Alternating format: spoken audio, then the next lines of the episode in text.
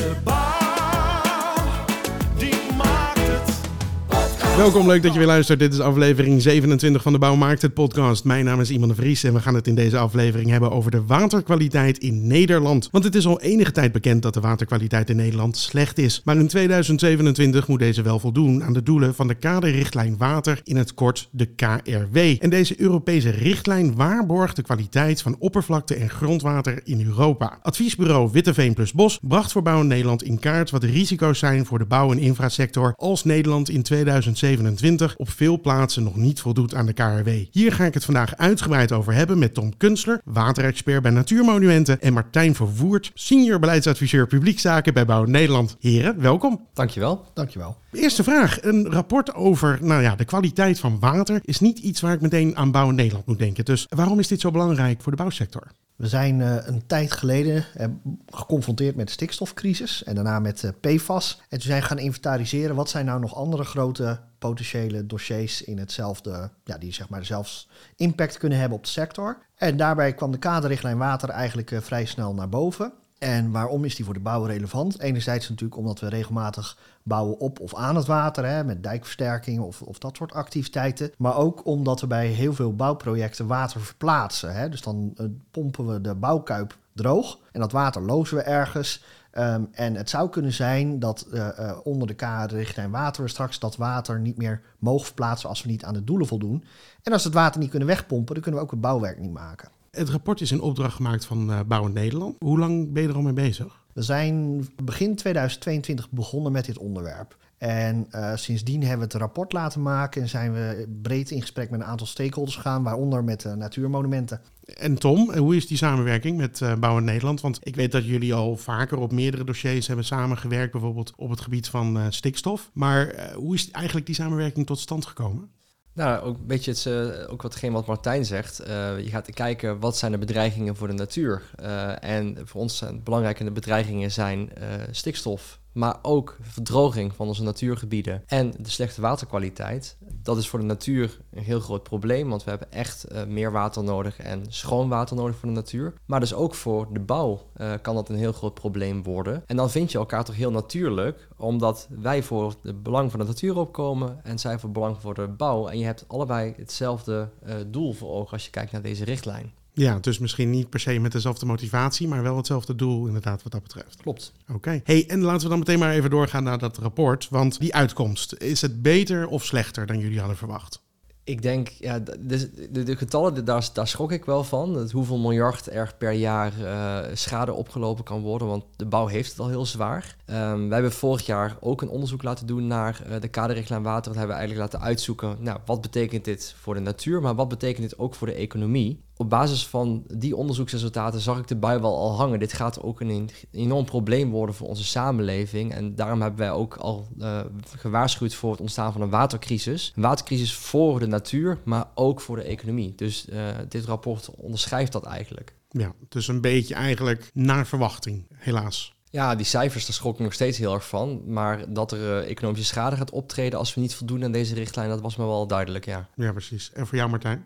Ja, eigenlijk precies hetzelfde wat uh, Tom zegt. Hè. Um, ook al ben je dicht bij zo'n onderzoek betrokken, gaandeweg het uh, onderzoek vordert, zie je dan toch uh, de omvang die je al vreest dat die heel groot kan zijn, zie je oplopen naar getallen die toch echt wel heel veel pijn kunnen doen. Hè? En dan, dan weet je inderdaad van, god, dit is alleen nog maar de, de, bouwsector en de infrasector. Hè? Er zijn nog allerlei andere sectoren die hier ook pijn van gaan krijgen. Um, en dan weet je eigenlijk ook, nu handelen en extra geld uittrekken is veel goedkoper dan wachten en uh, straks met allerlei sectoren heel veel schade oplopen. Hè? Dus, uh, Hoeveel miljard was het ook alweer? Het was voor de, voor de bouw en infra ongeveer 17,5 miljard maximaal. Ja. ja, dat klinkt wel echt als een uh, enorme ramp voor de bouwsector, als je dat zo zegt. 17,5 miljard. Hoe is dit bedrag tot stand gekomen?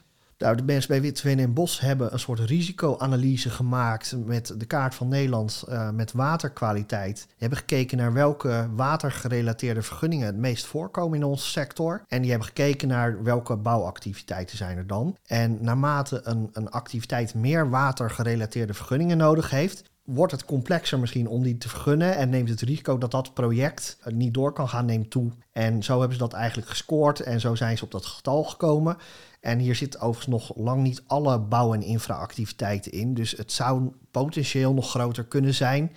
Maar we weten gelukkig ook dat er dingen zijn waarmee het potentie van het gevaar naar beneden kan worden gebracht. Ja, want heel even voor iedereen die niet eh, meteen weet waar water wordt gebruikt in de bouwsector. Want het is niet alleen maar we gaan iets vlak bij water bouwen. Het heeft ook echt met grondwater te maken. Dus het heeft ook direct gevolgen voor bijvoorbeeld eh, woningbouw. Absoluut. Ja, Toch? ja, bij heel veel bouwactiviteiten in Nederland eh, moeten we tijdelijk de bouwkuip droogpompen. En dat water moet ergens heen. En op het moment dat je dat water niet mag wegpompen of je mag het niet lozen ergens, ja, dan kan vaak ook die activiteit niet, die hele bouwactiviteit niet doorgaan. Ja. En heel even, want dan gaat er misschien iets dieper op in dan nodig is. Maar wat gebeurt er dan met het water als je eruit pompt? Wat, gaat er dan iets fout mee? Of dan verontreinigt het toch meer dan je zou willen of zo?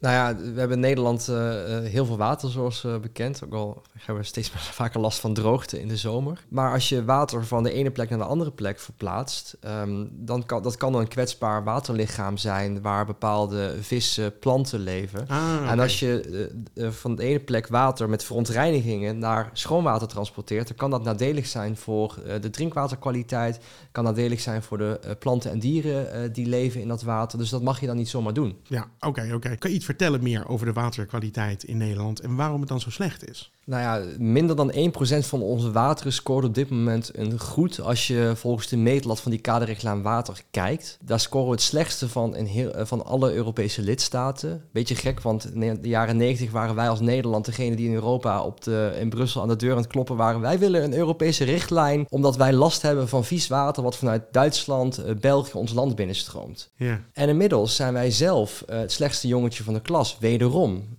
Net als bij stikstof. En dan zie je dat eh, er heel veel microplastics in het water zitten vanuit de industrie, medicijnresten, eh, bestrijdingsmiddelen vanuit de landbouw, mest eh, vanuit de landbouw, eh, maar ook rioolwater wat soms overstroomt in het oppervlaktewater. Dus daar hebben wij heel veel last van, ook voor onze economie, want de drinkwater is, het sector is afhankelijk van schoon water. Maar ook de natuur heeft heel veel last van die verontreiniging in het water. Kleine disbalans kan voor een kwetsbaar waterlichaam al heel veel betekenen voor de planten en dieren die afhankelijk zijn van dat water. Ja. Want je zegt we zijn het slechtste jongetje van de klas. Hoe kan dat? Wat, wat doen we in Nederland dan verkeerd? Ja, we zijn eh, een heel eh, druk, eh, druk landje. We hebben heel veel inwoners. We hebben daarnaast een hele intensieve landbouwsector. We hebben veel industrie. Dus zoals de ambtenaren altijd zeggen, we hebben veel drukfactoren op ons water. Dus we moeten extra zorgvuldig met ons water op, omgaan. Want we hebben het nodig voor ons drinkwater, we hebben het nodig voor onze industrie. Maar de natuur heeft het ook heel erg nodig. Dus ja, doordat wij het zo druk hebben hier, is het lastiger om te zorgen dat overal het water schoon is. En heeft Finland het er toch eh, een stuk makkelijker mee, als dunbevolkt land. En, en heel even voor de eventuele sceptici die nu horen van... nou, het zal wel meevallen. Is het relatief of zijn we echt het slechtste jongetje van de klas? Nou, je kunt daar wat mitsen en magen bij zetten. Ehm, je hoort wel eens van, ja, maar wij meten veel beter. Ja, daar zit een kern van waarheid in, want, want wij meten iets meer stoffen dan het gemiddelde aantal Europese landen. Maar wij hebben gewoon wat kankerverwekkende stoffen, wat eh, stoffen die slecht zijn voor de natuur toegevoegd. Daardoor is het moeilijker om die goed te scoren. Dus we maken het onszelf heel moeilijk. Maar het is heel terecht dat die stoffen die schadelijk zijn toegevoegd zijn aan die eh, meetlat. En Nederland probeert andere landen ook zover te krijgen om ook die stoffen te gaan meten. Maar, dat is een hele belangrijke maar, Nederland heeft heel veel water ingedeeld als kunstmatig of sterk veranderd, waardoor er veel lagere normen gelden dan voor natuurlijke water. Dus we maken het onszelf op dat vlak een stuk makkelijker. En we zijn ook de kampioen met het aanvragen van uitzonderingen bij de Europese Commissie om niet te voldoen aan die richtlijn. Ik, ik dacht nog heel even, we zijn het slechtste jongetje van de klas, maar we zijn qua hoe kritisch we er naar kijken, zijn we misschien even het beste jongetje van de klas. Maar nu zijn we toch ook wel weer het slechte jongetje van de klas, omdat we onszelf ook wel veel uitzonderingen willen geven. Klopt. Oké, mooi. Ehm, hey, hoe is deze samenwerking, eh, hoe gaat die samenwerking tussen jullie, eh, tussen Natuurmonumenten en Bouwen Nederland? Eh, hoe gaat dat hierin, in dit dossier? Tom zei net, denk ik al terecht, van hè, we hebben gedeelde belangen. Dus dat werkt heel goed samen.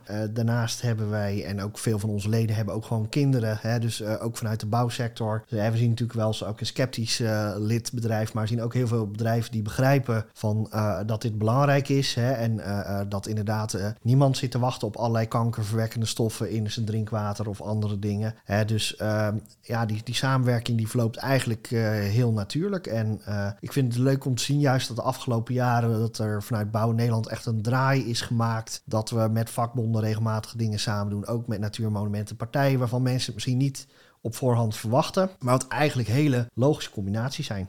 Ja, precies. Wat voor ja, oplossingen zijn er nou om dit... eh, kunnen jullie bijvoorbeeld uitdragen vanuit Natuurmonumenten en Bouw Nederland... om dit probleem te verhelpen of kleiner te maken? Ja, we hebben eh, verschillende oplossingsrichtingen. Het, zit enerzijds op het beter vasthouden van water. We zijn een soort vergiet geworden. Wij eh, voeren water bliksemsnel af naar de zee. Want vroeger hadden we altijd een strijd om droge voeten te houden. Maar tegenwoordig moet je eigenlijk veel meer water vasthouden. Want de, de lentes en de zomers worden steeds droger. En daarnaast gaat het ook om het verbeteren van de kwaliteit van het water. Dus dat gaat om voorkomen dat het water überhaupt vies wordt. Dus minder bestrijdingsmiddelen in de landbouw. Minder mest gebruiken in de landbouw. Het eh, water eh, wat in het riool terechtkomt beter zuiveren. eh, en zorgen dat de medicijnresten er überhaupt niet inkomen. En er is nu een pot van 24 miljard eh, die de provincies nu aan het verdelen zijn. eh, om de natuur te herstellen, om de landbouw te vergroenen. En wij vinden dat die eh, pot ook ingezet moet worden. Niet alleen om stikstof te reduceren, maar ook om die waterkwaliteit te verbeteren. En daar hebben we nog vier jaar voor. Ja, precies. En zijn er vanuit eh Bouw Nederland... eh, zijn er al oplossingen die bouwbedrijven misschien nu zelf al zouden kunnen toepassen? Eh, ja, er zijn zeker, die zijn er zeker. Hè. Allereerst vinden wij net als natuurmonumenten hè, dat je goed moet kijken naar bronbeleid. Hè. Alle eh, vervuiling die niet in het water komt, daar heeft niemand last van. Hè. Dus dat is gewoon stap 1 waarmee je moet beginnen. En dan zijn er daarnaast zijn er ook technische oplossingen soms. Hè. Er zijn bepaalde filtertechnieken waarmee bepaalde stoffen uit het water kunnen worden gehaald. Maar het, het eh, eh, één filter voor alle nare stoffen systeem bestaat nog niet. Hè, Helaas, helaas. Dus daar is nog veel innovatie nodig. Daar liggen dus ook kansen voor bedrijven die daarmee bezig zijn. En we zien aan de andere kant ook dat bijvoorbeeld eh, de biologische kwaliteit van water goed kan verbeteren als je het minder snel laat stromen op een hoop plekken. Hè. Dus als je gaat meanderen. Nou, daar zitten ook weer kansen in voor onze leden om eh, in, samen met opdrachtgevers om daarbij te dragen juist eh, aan verbetering van waterkwaliteit en, eh, en een, een mooi groen-blauw Nederland voor de toekomst. Ja. Ik zie ook wel wat, wat parallellen met het stikstof. Nou, de alle problematiek eromheen, zullen we zeggen. Is dit iets wat we nou helemaal niet zagen aankomen? Ja, Nederland is eh, kampioen om moeilijke beslissingen voor zich uit te schuiven. Eh, met stikstof eh, hebben we ook iedere keer ja, verzaakt om de noodzakelijke maatregelen op tijd te nemen. En uiteindelijk moest de rechter eraan te pas komen om te zeggen: ja, de wetgeving deugt niet, de vergunningenverlening deugt niet. Maar toen waren we eigenlijk al te laat. De kaderrichtlijn water stamt uit begin van dit millennium. En eh, we hadden eigenlijk tot 2015 om te voldoen aan deze richtlijn. We hebben twee keer uitstel aangevraagd tot en met 2027. Maar dat is echt de ultieme deadline. Er is geen uitstel meer mogelijk. Maar het is nu 2023. Dus in tegenstelling met stikstof, waar we te laat waren, waar de rechter een, streep door, het, eh, door de wetgeving en het vergunningenbeleid heeft gezet, hebben we nu nog vier jaar om samen de schouders eronder te zetten. Om te voorkomen dat we eh, de ellende voor de natuur hebben en de ellende voor de bouw hebben en voor de rest van de economie. Dus ik zou zeggen, schouders eronder samen. Heb jij er nog iets aan toe te voegen, Martijn? Nee, dat heeft Tom heel goed gezegd. Kijk, we hebben, we hebben nog vier jaar eh, en dan kun je twee dingen doen. Hè. Je kunt heel veel beleid gaan maken, eh, maar dan snoep je van die vier jaar heel veel tijd af. Maar op zich, er zijn middelen. Er, zijn, er, is wetgeving waarbinnen van alles kan. Er zijn investeringsprogramma's, dus het is gewoon een kwestie van eh, beginnen. En niet gaan wachten tot een weer een tussenevaluatie ergens in 2024, want dan zijn we gewoon alweer een jaar kwijt. Ik weet dat er ook een oproep is richting het kabinet. Kan je nog even kort vertellen wat dat is? Die is eigenlijk in lijn met wat eh, Tom eigenlijk ook een beetje zei. Hè? Dus eh, eh, allereerst gewoon bronbeleid. Hè? En in, in Nederland zijn we daar inderdaad met het uitstellen van beslissingen heel goed. Hè? Ook met lastige beslissingen. En we zijn aan de andere kant ook niet zo heel goed als de vergunningen eenmaal is afgegeven in het controleren. Hè? Dus het handhaven van die vergunningen. Nou, dat is iets waar allebei op gestuurd moet worden. Daarnaast heb je iets dat heet maatwerkvoorschriften. Ehm, dat zijn voorschriften die je aan een vergunning kunt verbinden, eh, die je eigenlijk anders niet zou verlenen. Maar dan zeg je eigenlijk, als je dit of dit doet, dan kan het wel vergund worden. Nou, dat zou voor ons bijvoorbeeld bij ehm, eh, het droogpompen van een bouwput, als daar nou een, een bepaalde stof in de bodem zit en in het grondwater, en die kun je eruit filteren, dan zou je dat in een maatwerkvoorschrift kunnen vangen. Maar dan nog steeds hè, is, dat, is dat een noodmiddel omdat je eigenlijk gewoon wil dat het spul überhaupt niet in dat water terecht is gekomen. Hè? Dus, dus dat is de, eh, het pleister plakken. Nou, daar moeten we dan ook iets van vinden. Maar uiteindelijk is het belangrijkste gewoon dat we gaan voldoen aan de kaderrichtlijn water. En dat het streven van de minister moet zijn dat hij in 2027 overal voldoet. En helaas zien we dat nog niet echt eh, terug in het kabinetsbeleid. Er worden weer verschillende geitenpaadjes bedacht van ja, hoe kunnen we onder deze verplichtingen uitkomen? We kunnen wel inventariseren in welke delen van het land we de doelen sowieso niet gaan halen. Dan kunnen we alvast met de Europese Commissie in gesprek. Ja, dat is best wel risicovol. We hebben bij stikstof gezien waar dat toe kan leiden. Terwijl je nu ook gewoon extra maatregelen kan nemen op eh, rijksniveau om dat bronbeleid eh, snel te verbeteren. Eh, op het gebied van mest zie je dat wel, op het gebied van pesticiden zie ik dat veel minder. En het is ook heel belangrijk dat provincies zo snel mogelijk aan de slag gaan. En niet alleen denken we hebben een stikstofcrisis op te lossen, eh, dat is het meest urgent nu, daar doet doet het meest economisch pijn op dit moment. Maar ook eh, die watercrisis tegelijkertijd oplossen. Dus je kunt dan niet alleen maar met technische innovaties in, in, in, in, eh, stallen van boerenbedrijven stikstof gaan afvangen. Nee, je moet ook zorgen dat ze minder mest gebruiken, minder pesticiden gebruiken en het waterpeil omhoog gooien. Want die crisis moet je tegelijkertijd aanpakken. En dat moet de provincie echt niet gaan vergeten de komende maanden. Ja, dus niet alleen maar eh, nu eh, oog hebben voor het stikstofprobleem, maar ook en denken, nou, dit duurt nog een paar jaar, dat eh, kunnen we nog even voor ons uitschuiven. Ja, maar dat is ook nodig als je de landbouw een eerlijk toekomstperspectief wil geven. geven moet je de stikstofcrisis oplossen, de klimaatcrisis en de watercrisis. En dat helpt dan ook weer mee om die wooncrisis waar we nu de last van hebben. Heel veel crisis tegelijkertijd Ja. om die aan te pakken. Dus ja, help de boeren met al die crisis tegelijkertijd. En geef ze een eerlijk toekomstperspectief. Dan geven de bouwperspectief, geven de natuur kans om te herstellen. Ik denk ook eh, wat belangrijk is, eh, wat Tom zei, hè, dat we zien dat het kabinet al, eh, nou ja, hè, ja, je kunt geitenpaadjes noemen of, of wat dan ook, hè, uitzonderingsmogelijkheden die wel of niet bestaan zo breed. Maar uiteindelijk zal de Europese Commissie in de eerste plaats gewoon kijken hoe goed heb jij je best gedaan. Heb jij echt alles gedaan wat redelijkerwijs gevraagd kan worden om te voldoen? En pas dan komt in beeld van zijn er nog uitzonderingsmogelijkheden. En het lijkt er toch een beetje op dat ons kabinet eh, eerst wil gaan praten over uitzonderingsmogelijkheden, zonder dat ze hebben laten zien dat ze echt heel erg hun best willen doen. En de meeste meesters en juffen in Brussel, die houden daar niet van. Nederland staat er sowieso niet zo heel goed op. Dus eh, ja, als je op andere vlakken, op eh, wat ga- gaat om milieu- en natuurwetgeving, het helemaal goed doet, dan kun je misschien één strafpuntje krijgen. Maar Nederland staat er momenteel niet zo goed op. Dus ja, we hebben, we hebben niet heel veel krediet. Dus we moeten daar zuinig mee omgaan met wat we aan Brussel vragen op dit moment. Hebben jullie nog een oproep, ook naar, naar de bouwbedrijven bijvoorbeeld? Is er iets eh, wat ze nu al kunnen doen? Nou, ik zou zeggen, kijk welke risico's je ziet, maar kijk vooral ook welke kansen er zijn. Eh, eh, ga in gesprek, ga op zoek naar filtertechnieken die er bestaan en zo. Hè. Dat wat je als bedrijf zelf kunt doen. Hè. Dus daar kun je kijken hoe je een positieve bijdrage kunt leveren aan het verbeteren van waterkwaliteit. We zien ook dat eh, er veel rioolwaterzuiveringen de komende jaren bijvoorbeeld op schop gaan. En wij als Bouw Nederland gaan dan heel erg goed ons best doen samen met Natuurmonumenten om het kabinet in beweging te krijgen. Ja, ik zou zien vanuit de bouwsector, zie, zie dit als een kans om inderdaad eh, bij te dragen aan het oplossen en voorkomen van deze watercrisis. Maar ook alle bouwbedrijven hebben heel veel contact met, met gemeenten, eh, maar ook met provincies. Maar spreek hen ook aan op hun verantwoordelijkheid om te zorgen voor schoon en voldoende water in Nederland. En laat ze niet weer die eh, hete appel vooruitschuiven. Nou, mooi. Dat lijkt me een eh, fantastisch einde. Tom en Martijn, ik wil jullie bedanken voor jullie tijd. En heel fijn dat jullie er eh, waren. We zijn al door onze tijd heen. Het gaat heel snel. Eh, ik ga nog even een kopje koffie drinken met Bouwend Nederland voorzitter Arno Visser. En jullie bedankt.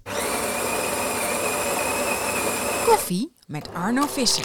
Zo, we zitten in het prachtige bosrijke Driebergen. Een kopje koffie weer te drinken. Nou, eigenlijk eerlijkheidsgebieden, we zitten een colaatje te drinken. Ja, maar- er zit wel cafeïne in. Maar het is niet het tijdstip van de dag waarop ik nog koffie drink. Nee, maar het item heet, we doen even alsof. Het item heet koffie met Arno, Ja. dus we doen het eens even. Er zit cafeïne in. Laten we, cafeïne met Arno, zo kunnen we ook Cafeïne gaan met noemen. Arno, ja, ja precies. Eh, maar wat, eh, wat doen we hier vandaag in Driebergen? Nou, misschien wel leuk om te vertellen. Bouw het Nederland heeft een bestuur, een dagelijks bestuur, een algemeen bestuur. En dan kom je één keer in de paar weken bij elkaar om besluiten te nemen over zaken die actueel zijn. Die besluiten die genomen moeten worden, die echt moeten op een bepaald moment. Maar je wilt tegelijkertijd af en toe ook eens even nadenken over vraagstukken die op lange termijn spelen. Die een eh, verdere rijkwijde hebben. Dus we hebben hier in de bossen van Driebergen, komen we bijeen om eens even anderhalve dag met elkaar te overleggen. Wat de grotere vraagstukken zijn die spelen, wat we tegenkomen, of we het herkennen. Arbeidsmarktontwikkelingen eh, gaan we het over hebben. We gaan het hebben over Zaken die, eh, die, die spelen in de economie, wat we daarin kunnen doen, wat we daarin herkennen, et cetera. Dus goed, dus met wat verdere afstand tot de dagelijkse eh, actualiteit. Dat is denk ik ook wel goed om inderdaad even uit de waan van de dag te kunnen stappen en eh, het, het grotere plaatje af en toe even te kunnen Exact, exact. Dus je moet nooit alleen maar over het grotere plaatje spreken, dan ga je zweven. Ja, Je moet ook niet alleen maar eh, bezig zijn met vandaag en de volgende morgen, want dan eh, ga je dingen over het hoofd zien en je moet een goede midden daartussen vinden. nou heel mooi. Eh, prachtige locatie in ieder geval. Ja. En er is ook nieuws, want er er is, ehm, hoe heet het ook weer? De handelingskaders. En dan weet jij veel beter dan ik wat Ja. dat is. Nou, kijk, het sluit wel eigenlijk wel aan op wat we, waar we het net over hadden. Er zijn sommige zaken die gewoon langdurig spelen, waar je een oplossing voor moet hebben, maar die heb je niet 1, 2, 3. Nou, een van de zaken was gewoon, wat doen we tijdens corona? En ook daarna, toen de crisis uitbrak, de energiecrisis, eh, ja, hoe gaan we daarmee om? Wat betekent dat? Prijsstijgingen, materiaalschaarste, wat kon je krijgen? Hoe ga je daarmee om? En eh, in heel veel bouwprojecten spelen allemaal, wat je dan noemt, ketenpartijen. Ja. Eh, partijen die zaken importeren, die fabriceren, die bouwen, die in ontwikkeling nemen. Al die partijen. Eh, en als je niet oplet, loopt dat vast.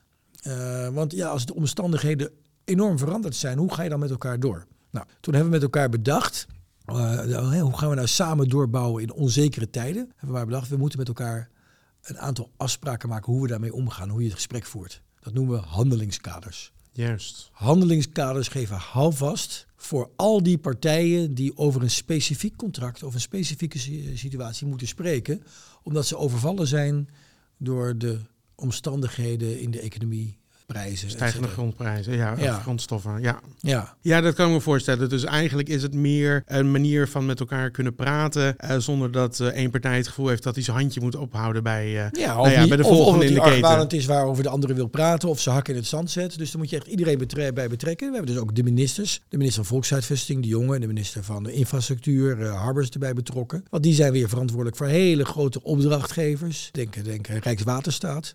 Dus het gaat echt heel breed hoor, die handelingskaders. Het is ook niet van de een op de andere dag gemaakt. Nee. Dus we hebben landelijk en eh, regionaal vastgestelde. Dus wat al die partijen die erbij betrokken zijn, gemeenten, provincies, Rijkswaterstaat, eh, als opdrachtgevers, maar ook bouwers en nou, noem maar op. Al die ketenpartijen daar gezamenlijk aan werken. Dat is mooi, want het is ooit een onderwerp geweest van, eh, van de podcast. Ook inderdaad via de, met de oorlog en eh, de energieprijzen. En dat het inderdaad sommige bouwplaatsen eigenlijk gewoon helemaal vastliep met bouwen. Omdat ja, sommige materialen gewoon niet meer, eigenlijk niet meer te betalen waren. En Ja. de, de, de prijs van een, van een bouwplaats of een bouwproject zo omhoog liep dat het eigenlijk niet verder meer. Nee, en het is ieder- leuk om nu te merken dat we weer wat verder zijn. Nee, Eh, en iedere partij is natuurlijk bang dat, dat hij of zij degene is die de rekening betaalt en de andere de dans ontspringen. Als maar even plat slaan. hè. Dus, je- en, dus iedereen heeft eh, eigen belangen. Nou, ik, dan ben ik best wel trots dat 15 brancheorganisaties en allerlei overheidsinstellingen de afgelopen jaren, eh, maanden daaraan gewerkt hebben. Dat in kaart hebben gebracht. Ook erkend hebben waar ze eh, over en weer tegenaan eh, liepen. En dan aan, oplossingen werken. Nou, en vanuit daar hebben we een paar dagen geleden afspraken gemaakt voor de woningbouw, huur en koop. Voor de utiliteitsbouw, kantorenbouw. Maar ook voor onderhoud, en verduurzaming en renovatie. Dus dat zijn drie, hè, wat ik net zei, handelingskaders. Die iedere partij kan gebruiken in het gesprek. Het goede gesprek dat ze hebben als je met elkaar zaken doet en de omstandigheden zijn totaal veranderd. Juist. Oké, duidelijk. Eh, fijn, dankjewel. Jullie, eh, of jij natuurlijk, eigenlijk heel veel eh, succes vandaag in eh, het grotere plaatje. Ja, En eh, tot over eh, twee weken. goed zo. Tot dan. Wil je nou helemaal niks missen van de Bouwmaakt het podcast? Vergeet dan niet te volgen op Spotify of te abonneren op Apple Podcast. Bedankt weer voor het luisteren en tot over twee weken. De bouw